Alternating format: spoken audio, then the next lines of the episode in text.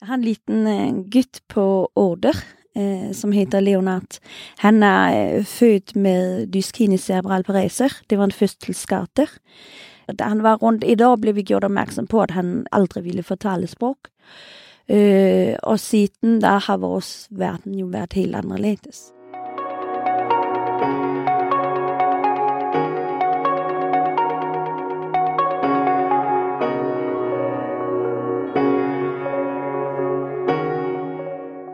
Leonard er født med dyskinisk cerebral parese, noe som betyr at han ikke utvikler talespråk som andre barn.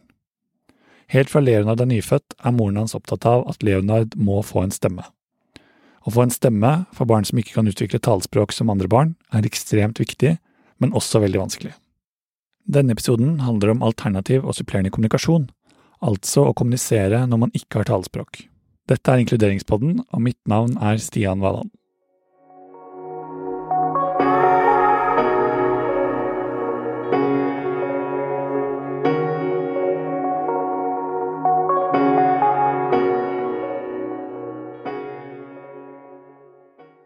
Det fødes rundt 60 000 barn i Norge hvert år, og rundt 120 av disse barna får diagnosen cerebral parese ifølge Folkehelseinstituttet. Cerebral parese er en samlebetegnelse for en gruppe av tilstander som kjennetegnes ved en forstyrrelse i bevegelse og motorisk funksjon. Leonard sin form for cerebral parese kjennetegnes ved store variasjoner i muskelspenning og mye ufrivillige bevegelser. Moren til Leonard, Lise Utklitt, og familien er hos habiliteringstjenesten på Ullevål sykehus i Oslo. De sitter på kontoret til legen når det kommer en person gående.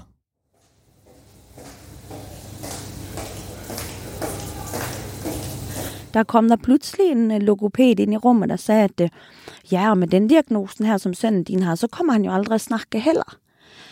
Og det er kanskje et av de laveste tidspunktene i livet mitt, tror jeg. For da hadde jeg brukt et år på å forsone meg med en rullestol. Ja, men det går jo greit. Altså, vi kan leve med en rullestol. Vi ser jo rullestoler i hverdagen overalt. Så det går nok greit. Men det var ingen som hadde gjort oppmerksom på at diagnosen hans også innebar veldig lite eller ingen talespråk.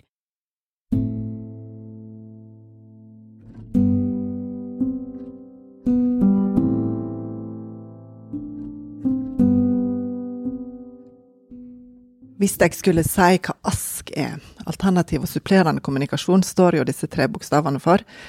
Eh, og det handler om at når du ikke kan snakke med munnen, så trenger du et alternativ. Dette er Anne Merete Kleppenes.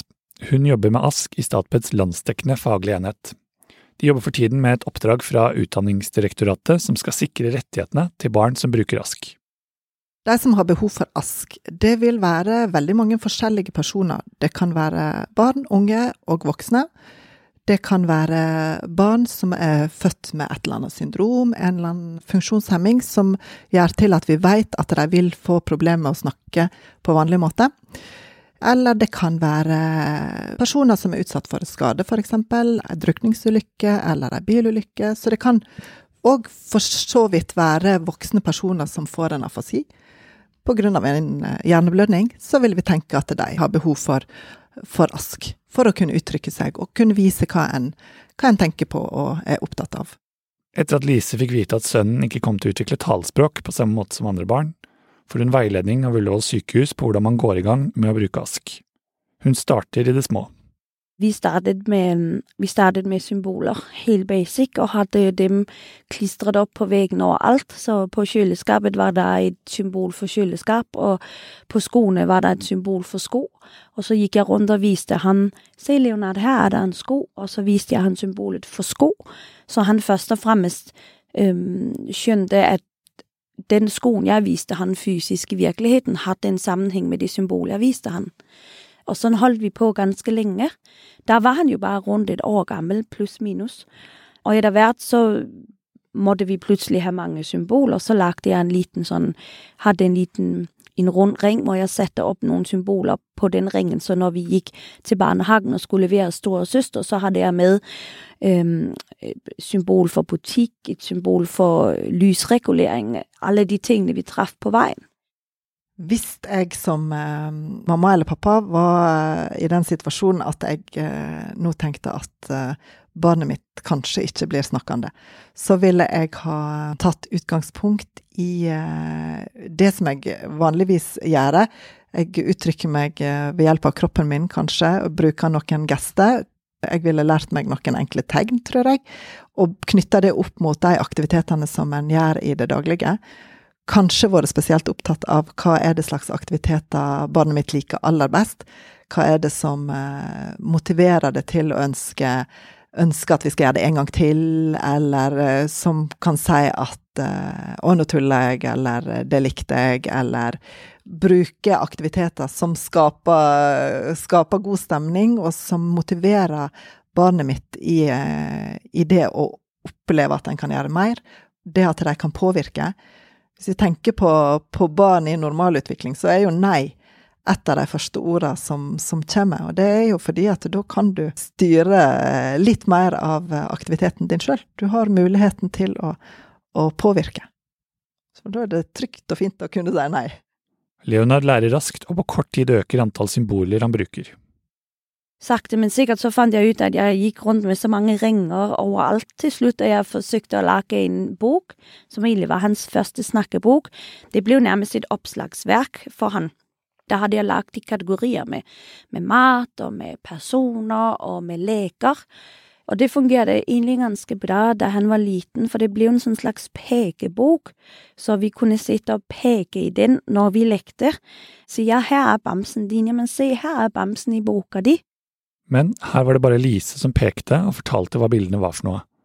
Hvordan skulle hun vite om sønnen ville si noe til henne?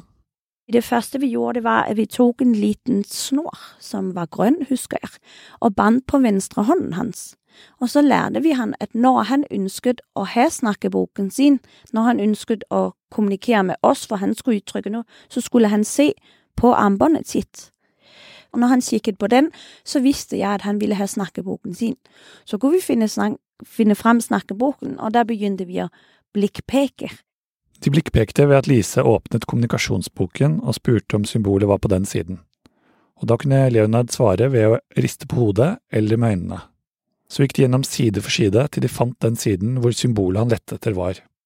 Da gikk de gjennom alle symbolene på siden, helt til de fant det som han ønsket. Dette tok veldig lang tid, og de lurte på om det fantes en bedre måte å gjøre dette på.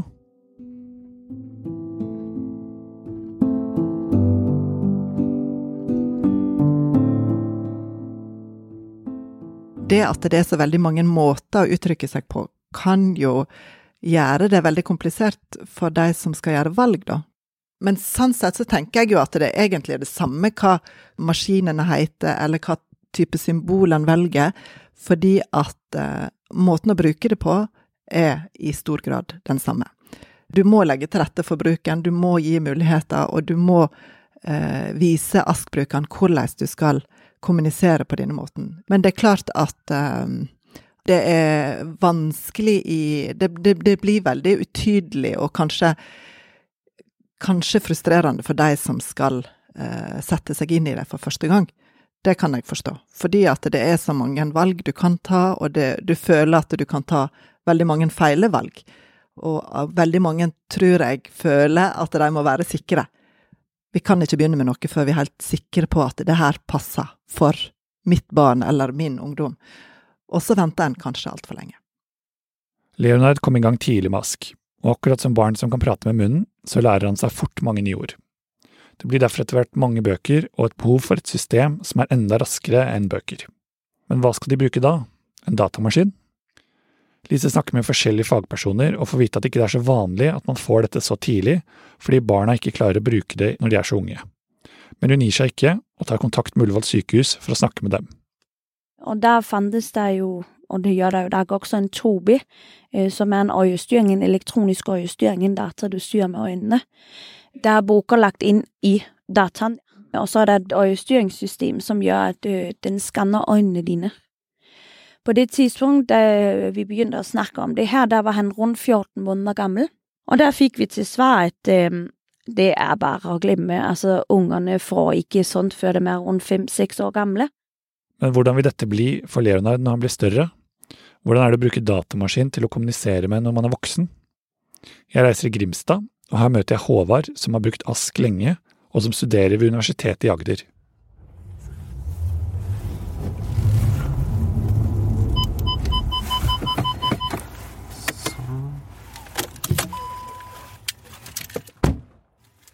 Håvard Eriksen, 21 år, fra denne nydelige byen Grimstad. Håvard har brukt ulike ASK-systemer opp gjennom årene. For han er det øyestyring som fungerer best. Så var jeg tilfeldigvis på en messe hvor man kunne prøve øyestyring. Det var kjærlighet med første blikk, bokstavelig talt. Tenk deg at du har et tastatur foran deg, og istedenfor å skrive med fingrene, så bruker du øynene. Håvard velger bokstaver ved å holde blikket på tasten på en bestemt måte. Øyestyring og bruk av tastatur har gjort at Håvard Fikk uttrykke akkurat det jeg ville når jeg ville. Det å kunne uttrykke seg har selvfølgelig vært veldig viktig for Håvard, og selv om han kan det, så har han likevel opplevd at folk undervurderer han. Noen snakker babyspråk til meg, og noen snakker over meg. Men han har også opplevd at lærere har sett han. Ja, noen har sett meg for den jeg faktisk er, og da har slåss litt ekstra. Som barn var det viktig for Håvard å gå på nærskolen sammen med de andre, og på spørsmålet om han noen gang har kjent seg annerledes, så svarer Håvard Nei, fordi jeg har alltid omgås funksjonsfriske, gått på vanlig skole. Jeg er for oppegående til å sitte på en kafé og spise boller seks dager i uka.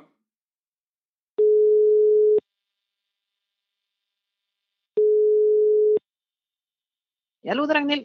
Hei, det er Stian. Hei. Hei, hører du meg greit, eller? Det gjør jeg. Så bra. Dette er Ragnhild Blystad fra Lund skole i Hamar, som forteller om hvorfor ASK er så viktig for elever som ikke har talespråk, og hva ASK kan gjøre for dem. Det er jo ekstremt viktig eh, i forhold til inkludering. Det å få en stemme inn i et fellesskap. Og det får jo de elevene her ved hjelp av, eh, av ASK. Da. For med en gang en elev får en stemme, så har man muligheten til å påvirke. Og man har muligheten til å bli en deltaker i stedet for bare en observatør i, i et fellesskap. Det er kanskje den vanskeligste, men også den viktigste delen av arbeidet rundt, eh, rundt de elevene som benytter seg av eh, alternativ og supplerende kommunikasjon. På Ullevål sykehus skal Leonard prøve øyestyring for første gang. En nevropsykolog har akkurat kommet inn på venterommet for å vise dem noe. Og hun tok med en eh, gammel Tobi fra 1800-tallet som hun hadde fått arvet av Tobi Dynavok, som de heter i dag, og satte den opp. Og helt tilfeldig så sto eh, eksmannen min, eller pappaen til Leonard, og filmet eh, første gang Leonard var på en Tobi. Det var veldig spesielt å se, for han nailet det. Og da presset hun på til Nav hjelpemiddelsentral og sa at eh, dere må, dere må se han. Og jeg husker veldig tydelig da Leonard sitter seg foran Tobien og skal kalibrere øynene. For hver Tobi skal kalibreres til brukeren, sånn at den skanner øynene dine. Og det tar litt tid, sa de, og ofte så bruker barna som kommer inn minimum en halv time på å, å kalibrere en sånn Tobi. Og Leonard satte seg ned og gjorde det i første forsøk. Det tok vel 30 sekunder. Og da var de stille resten av tiden. Og vi hadde vel nesten fått beskjed om at vi selvfølgelig fikk en Tobi innen vi gikk derfra. Så da han var rundt 15-16 måneder gammel, da fikk han en Tobi. Etter hvert som Leonard blir kjent med Tobien, blir det lettere for han å få sagt det han vil. Nå er snakkeboken hans elektronisk, og den er organisert etter en spesiell metode som heter metoo. Med denne metoden vet han alltid hvor han skal finne det symbolet han ønsker. Leonard har blitt eldre, og kommunikasjonen mellom han og de rundt utvikler seg til å handle om mer enn bare konkrete ting. Det er veldig bra spørsmål å spørre hvordan han kommuniserer følelser, for det er egentlig litt gøy. Jeg har blant annet uh, lagt inn en hel overkategori som heter banneord, så han kan si alt mulig som jeg selv klart ikke kan nevne her, men uh, veldig, veldig, veldig stygge ting, fordi at han må på akkurat lik linje som storesøster si, kunne si det, men får beskjed om at det der vil jeg ikke høre, sånn snakker du ikke hjemmet mitt. Så han kan eh, si mye syke ting hvis han har lyst, men han får selvfølgelig kjeft hvis han gjør det. Eh, og så har vi også en kategori der heter følelser, eh, med alt som ensom, lei meg, alle mulige, glad, trist, vondt, alt som du kan tenke rundt følelser. Um, for sånt er jo ekstremt viktig å kunne formidle. Det er jo ikke bare melk og mat og sulten og godteri. Det er 'jeg er lei meg', 'jeg er trist', 'jeg er forbanna', 'jeg har vondt'. Det Lise Håvard sier illustrerer kjernen i hvorfor Rask er så viktig. Å få en stemme er viktig for at barn, unge og voksne kan delta og være inkludert.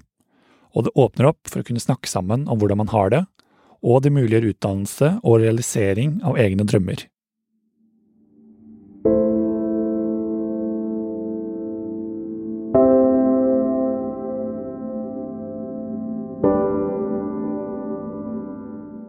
Et mål er nådd for Leonard, men foreldrene har alltid hatt en drøm. Vi har altså hatt en drøm om at han skulle lese og skrive. Vi har altså jobbet veldig aktivt mot det, for for meg har det vært et mål i seg selv. For kan han lese og skrive, så har vi åpnet ny verden for han, og med utdannelse og alt. Men vi visste jo ikke da vi startet hvor vi ville ende. Så jeg tenkte der at det å fort komme frem til sitt symbol var det viktigste. Jeg er veldig opptatt av at, at elever som bruker ASK, på lik linje med, med andre elever, både har en opplæringsplikt, men òg en opplæringsrett. Jeg tenker at vi skal ha ambisjoner for elevene, og jeg er opptatt av at vi skal legge til rette for eh, læring, i alle fall på, på, lesing og skriving. Gi muligheten til å, å, å kunne lære seg det. For det er du kan ikke se utapå en elev om han kan eller ikke lære seg det her. Og det er så utrolig viktig for framtida til, til ASK-brukerne, og på lik linje med andre, andre, elever, det å ha den kompetansen. Og det som er, er jo at det, for mange elever så vil det være, være samme type metodikk eh, som, som, gjelder. Det er like viktig for disse elevene å bli lest for og eh, få tilgang på bøker som det er for andre elever. Ragnhild Blystad fra Lund skole, som vi hørte tidligere, har mye erfaring med å drive leseopplæring for elever som bruker rask. Før man kan starte med, med, lesing, så må man finne ut om eleven har en slags indre stemme. Da. Om eleven klarer å, å si lyder inni seg, selv om man ikke har et ekspressivt uh, talespråk. I tillegg er det viktig å vite om språkforståelsen til eleven er god. Eleven må kunne feste blikket og svare ja eller nei. Ragnhild legger ikke skjul på at dette er tidkrevende arbeid. Ja, det er jo en lang prosess. Og det tenker jeg at det, det, må, alle, det må, alle, vite før de blir slutta, at det er, det er, tidkrevende. Og, det, og um, man må bare eh, smøre seg med masse tålmodighet. Ragnhild forteller at de har jobbet mye med hvordan de former lyder i munnen, og kobler disse til bokstaver. Det her tar ekstra lang tid, fordi at eh, andre barn får jo det her litt sånn hele tida. Får det litt sånn gratis underveis. Mens, eh, mens uh, elevene som er avhengig av ASK, får ikke nødvendigvis så mye gratis. sånn at Man må på en måte tørre å stå i det som eh, pedagog også. Da, stå i det og være tålmodig. og Til å begynne med så kan det føles mye som en, at man holder på med litt sånn monolog da, i det arbeidet når man modellerer så mye. Men det er veldig viktig å, å vise og, og, gå foran som en, som en god modell. da. Å tørre å stå i det som pedagog, sier Ragnhild. For med lesing, som med så mye annet knyttet til ASK, så gjelder det å stå i at det er tidkrevende. Men det er så viktig. Jeg tenker um, at man ikke nødvendigvis må tenke så komplisert. Uh, man, man, man, skal aldri sitte og vente på et uh, teknisk hjelpemiddel eller på noen apper eller på opplæring innen Altså bruk det man har tilgjengelig. Man har ikke tid til å sitte og vente. Man, er det tavle og kritt man har, så bruker man tavle og kritt. Um, I stedet for å sitte og vente. Vi brukte masse, masse whiteboard, vi har brukt eh, tavle og kritt, vi har brukt eh, klippehistorier, vi har brukt bøker, vi har brukt noe iPad også. Men man, man skal ikke sitte og vente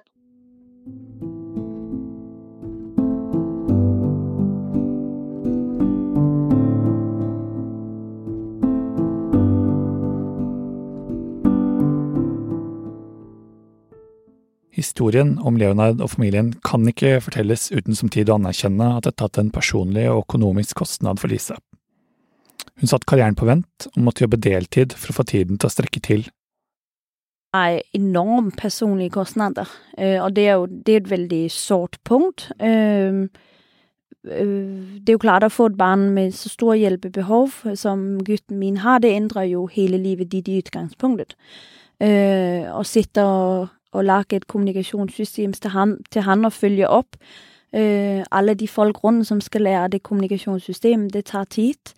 Uh, så det er en personlig kostnad, det er en økonomisk kostnad, det er en langsiktig kostnad.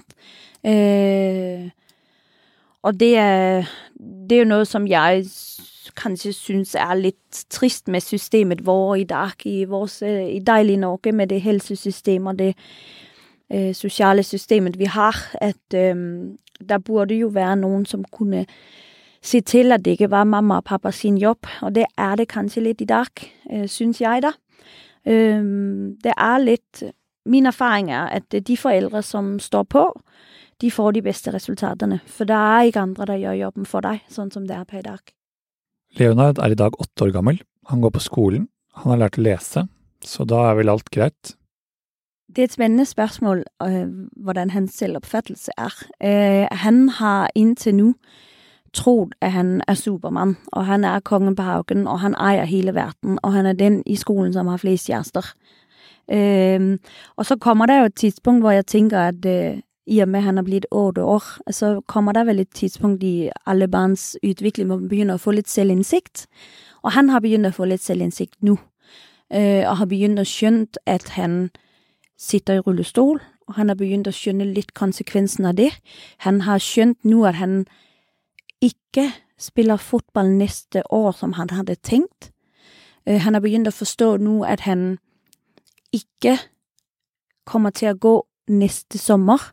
Øh, vi har ikke, vi har ikke brukt mye tid og energi på å fortelle han hva han ikke kan. Jeg har tenkt at han, han, skal, ja, han er så smart, og han skal nok skjønne sine egne begrensninger, og så øh, må vi snakke om dem når den selvinnsikten kommer, og den er vi på vei inn i nå.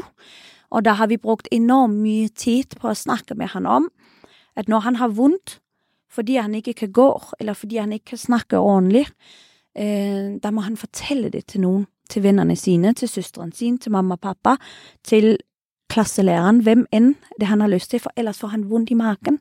Vi har snakket mye om at han får en klump i magen som gjør vondt, eh, og den er han nødt til å snakke om for at den forsvinner. Um, og så har vi snakket mye om at uh, um, alle, res alle ressurspersonene rundt han får aldri noensinne lov til å si til han, hvis han sier at han er lei seg fordi han ikke kan gå, så får de aldri lov til å si nei, men det går bra, du har jo så fin elektrisk rullestol isteden. De skal erkjenne følelsene hans til enhver tid. Han skal få lov å være lei seg, han skal få lov å være forbanna, han skal få lov å grine hvis det er det han har lyst til, han skal få lov å få det ut. Um, for han er annerledes, og han har noen rare hjelpemidler, og han har en kropp som ikke fungerer, og han har et språk som er rart. Um, og det er fakta, og det skal han få lov å reagere på. Uh, og nå sakte, men sikkert som han blir eldre, så, så blir det jo nok en tøff periode, tenker jeg, hvor han må hjem realitetstjekk og skjønne at han kommer å få begrensninger resten av sitt liv. Um, men da er vi tilbake på kommunikasjon. Fordi at jeg er 100 tilhenger av at hvis du kan uttrykke deg, da tror jeg livet er mye bedre. Det siste Lise sier, synes jeg er så utrolig flott. Ask gjør kommunikasjon mulig for personer som ikke kan utvikle talespråk. Disse elevene har samme rett til opplæring og tilrettelegging som andre barn, og det burde ikke være så tilfeldig om de får den tilretteleggingen de har krav på.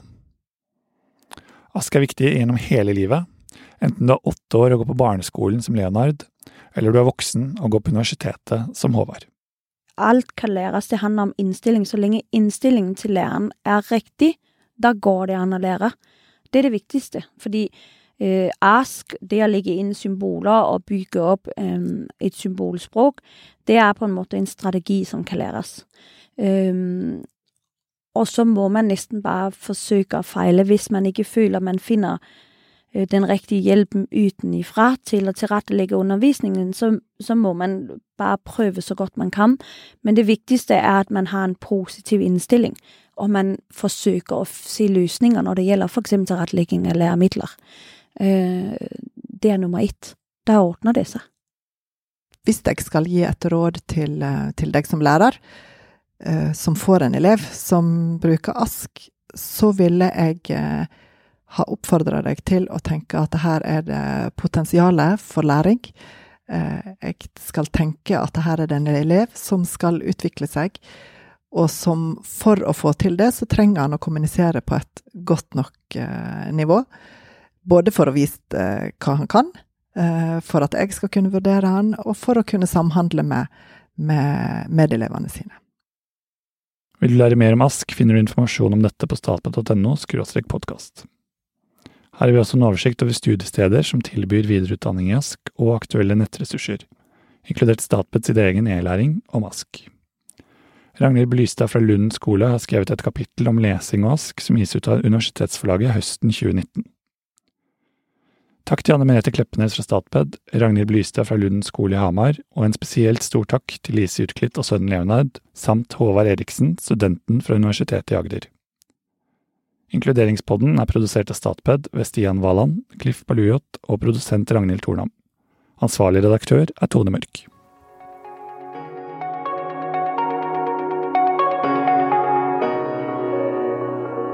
Hvis du nå skulle møtt deg selv for åtte år siden, eh, hva ville du sagt til deg selv da? Det er et litt vanskelig spørsmål. Kjør på. Kjør på. Ja. Bare fortsett.